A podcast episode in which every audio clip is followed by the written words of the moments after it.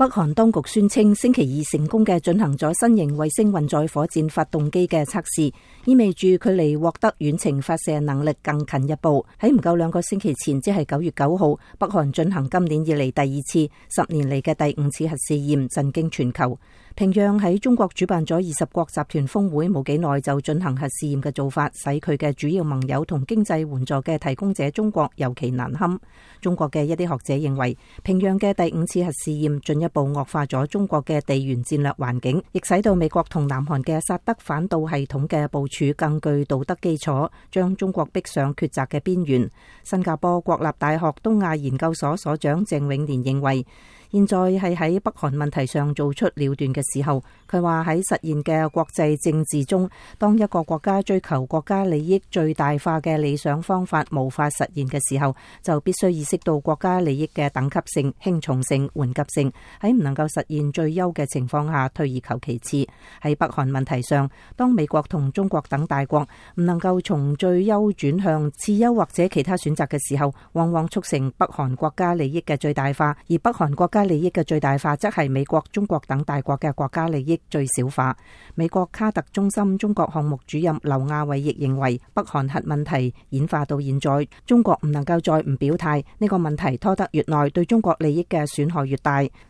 中國同北韓早已經同床異夢，漸行漸遠，冇必要為某種情意結刻意保持一種形式上嘅友好。佢認為中國唔能夠唔顧嚟自北韓對自身國家安全嘅威脅，必須喺呢個問題上做一個果斷嘅決定。獨立撰稿人、專欄作家鄧月文甚至表示：中國對平壤再唔了斷就迟啦。佢曾經系中共中央黨校理論刊物《學習時報》嘅副編輯。二零一三年，因為喺英國《金融時報》上公開。市民批评中国对北韩现行政策过时而被停职，喺中国学者呼吁北京对佢嘅北韩政策进行调整嘅同时，美国智库外交关系委员会亦喺刚刚发表嘅一份报告中呼吁美国重新审视佢对北韩嘅战略。报告话，美国对北韩使用嘅战略耐心，并唔能够阻止北韩发展危险嘅核项目同进行导弹试验，因此必须采取更加强硬嘅立场。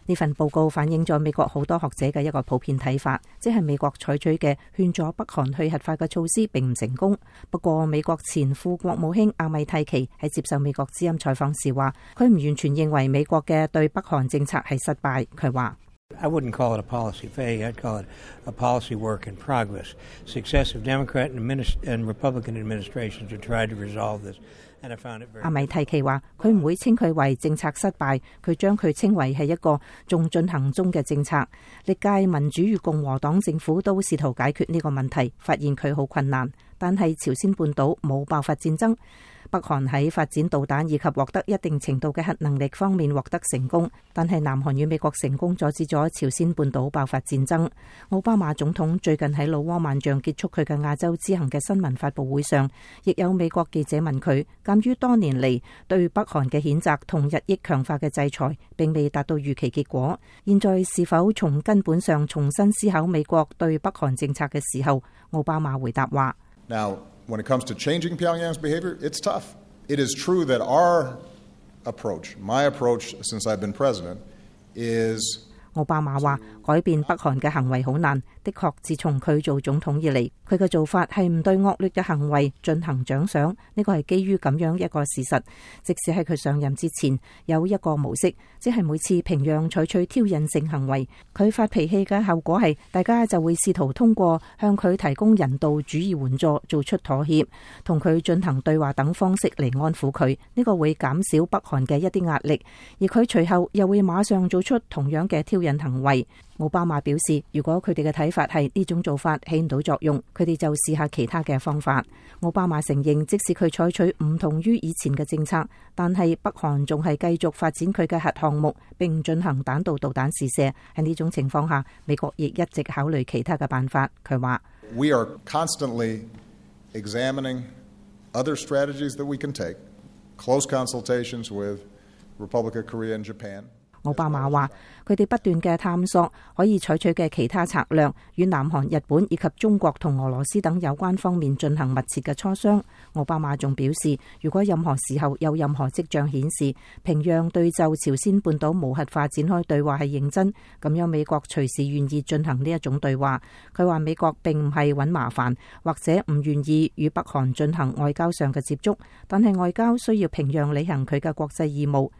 而問題係，無論有乜嘢嘅激勵措施，北韓都冇表現出願意咁樣做嘅意圖。因此，美國能夠做嘅就係確保防禦措施到位，使美國同佢嘅盟友受到保護，並繼續對北韓實施佢所受到嘅最嚴厲制裁。佢話，即使唔能夠保證呢種做法會起到作用，但係呢個係目前嘅最佳選擇，而且美國將繼續與包括中國在內嘅有關方探索改變北韓行為嘅途徑。奥巴马喺纽约出席联合国大会嘅间隙，与中国总理李克强举行咗会晤，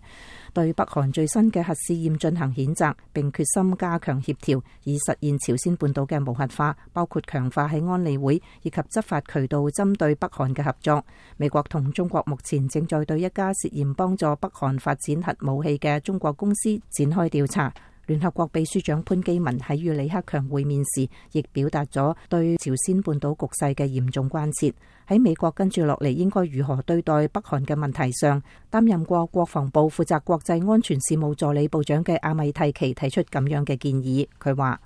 ：，We have worked very closely with primarily Japan and South Korea on this. We've had our experts talk.